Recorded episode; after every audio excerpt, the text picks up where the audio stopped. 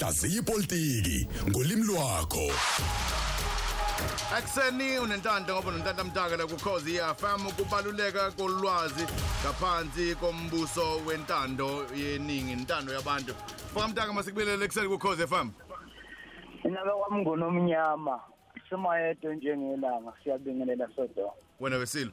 Ukubaluleka kolwazi ngaphansi kombuso wentando yabantu. Kubalengani ulwazi kangaka?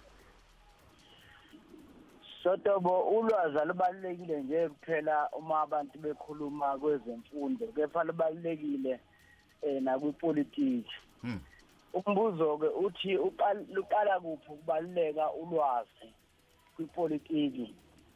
Okokuqala liqala ekwazini kwakho ukwahlukanisa phakathi kweqembu olithandayo nalelo ongalithandiyo. Hmm. Amafuphi yakwanele ukuthi uthande iqembu lakho.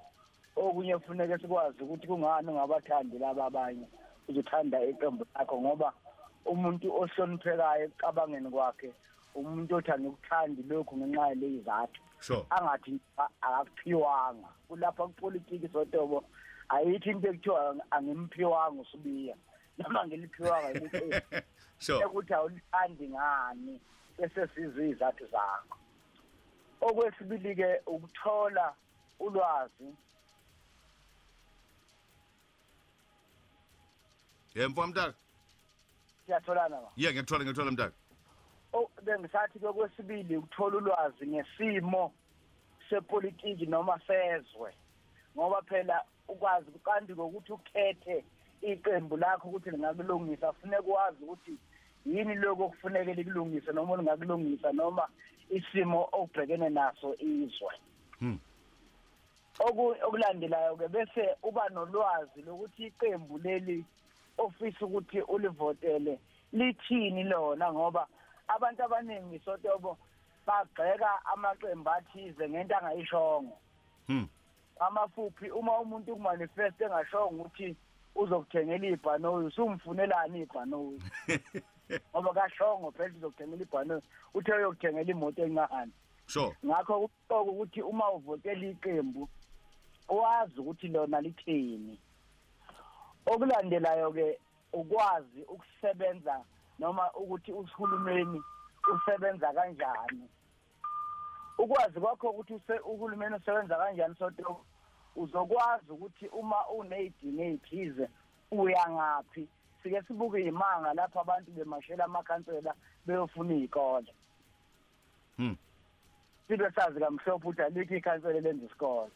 Ingani? Ingoba abantu abayinika isikhathi sokwazi ukuthi uhulumeni usebenza kanjani. Okokugcina ke soto ukwazi ukuthi le minyango ekhona ke yona i- iyakwazi ukunikezela ngolwazi? Ngoba umthetho wezwe okhona esiyofunda esiyobuka ngelinye ilanga i-access to information act. Iyakusho ukuthi yonke iminyango kahulumeni kanye nomasipala kufuneke babe kuloko okuthiwa ama-website nento abayivezayo ukuthi bona basabalisa kanjani ulwazi? Sincane-ke isikhathi sotobo ngokuzayo siyobheka ukuthi lo mthetho engikhuluma ngawo ukunika maphi amalungelo njengesakhamuzi. Kodwa mhlambe ukugcina eh mfaka mtaka uma abantu sebekhuleke bekhululekile intando yabantu mhlambe wona ama- amaqembu ezepolitiki enza kanjani? Yibi mhlambe into ofuna bayenze ngale ukuthi mhlambe kuthenjelwe kumakhansela noma mhlambe kuthenjelwe kwabantu abakhona ngoba eh thola ukuthi ifundazo wesifundazwe kuba khona oyihlalo njalo njalo eh umaqembu abantu bafunda nini phansi ngokwazi ngemigomo nanokuthi umasipala usebenza kanjani uhulumeni usebenza usebenza kanjani uhulumeni ophezulu usebenza kanjani? Ngesho sotobo ipolitiki yobuqembu siyaba yinto yabantu abafuna amaphalishi. Sekwaba yinto nje yencelankobe kodwa kuqala kwaye kwakhona isikhathi la ungeke ube nobulungu beqembu ungafundiswanga ngalo kanjalo no- no- nokuphathwa noma no- nepolitiki yezwe.